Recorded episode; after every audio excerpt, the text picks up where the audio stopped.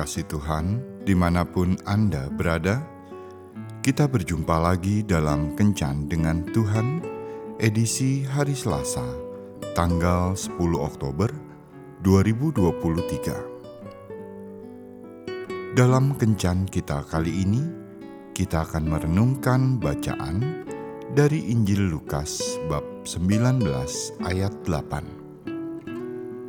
Tetapi Sakeus berdiri dan berkata kepada Tuhan, "Tuhan, setengah dari milikku akan kuberikan kepada orang miskin, dan sekiranya ada sesuatu yang kuperas dari seseorang, akan kukembalikan empat kali lipat."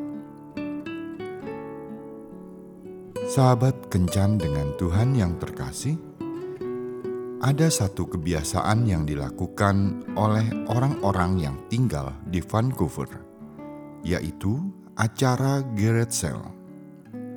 Terjemahan bebasnya adalah penjualan di garasi. Garage sale dilakukan setiap musim panas. Banyak keluarga berusaha membersihkan gudang dan seluruh rumah mereka dari barang-barang yang sudah tidak berguna lagi barang-barang yang tidak terpakai lagi itu dikumpulkan dan dalam tanda petik dibuang dengan cara dijual di depan garasi rumah mereka. Biasanya, barang-barang yang dijual itu pun masih dalam kondisi bagus, tetapi barang-barang itu sudah tidak diperlukan lagi oleh keluarga tersebut. Dalam kehidupan kita pun, banyak sampah-sampah yang tanpa sadar terus-menerus kita timbun. Tanpa sadar, sampah itu mulai merongrong hidup kita. Ada dua sampah yang perlu kita perhatikan, yaitu yang pertama, sampah dosa kita. Timbunan dosa kita membuat kita terjerat. Efeknya bisa sampai pada kehidupan kekekalan kita. Oleh karena itu, perlunya kita membuang hal-hal yang keliru atau dosa yang masih terus kita nikmati. Contohnya seperti kesombongan, ketidakjujuran, kebencian, keserakahan, iri hati, mau menang sendiri, membuat orang lain menderita, korupsi, dan lain-lain. Jangan sampai dosa menghambat rencana Tuhan yang luar biasa di dalam hidup kita. Dua, sampah-sampah sisa-sisa penderitaan masa lalu yang menjadi penghambat kehidupan kita sekarang.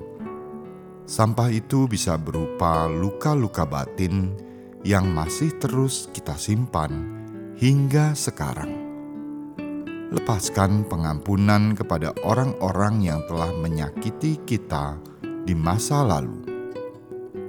Mari kita perhatikan ucapan Sakeus. Tetapi Sakeus berdiri dan berkata kepada Tuhan, "Tuhan, setengah dari milikku akan kuberikan kepada orang miskin. Dan sekiranya ada sesuatu yang kuperas dari seseorang, akan kukembalikan empat kali lipat.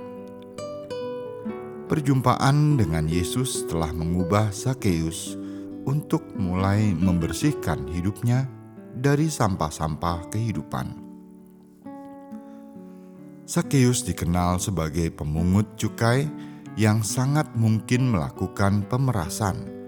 Itulah sampah dosa masa lalu Sakeus. Sakeus mau membuang sampah dosa tersebut apa buktinya kalau Sakeus membuang dosanya? Sakeus membuktikan dengan memberikan setengah dari hartanya untuk orang miskin dan mengembalikan empat kali lipat kepada orang yang telah diperasnya. Bagaimana dengan contoh sampah penderitaan masa lalu?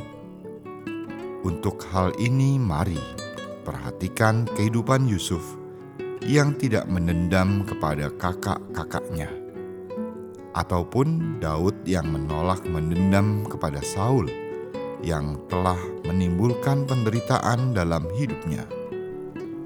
Mari kita mulai membersihkan sampah-sampah di dalam hidup kita.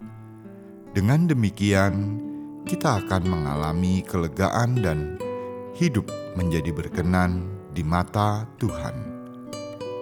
Tuhan Yesus memberkati. Marilah berdoa. Tuhan Yesus, aku ingin membersihkan sampah-sampah di dalam hidupku. Tolong aku untuk menyadari setiap sampah yang masih ada di dalam diriku, dan berilah kemauan padaku untuk membersihkannya. Amin.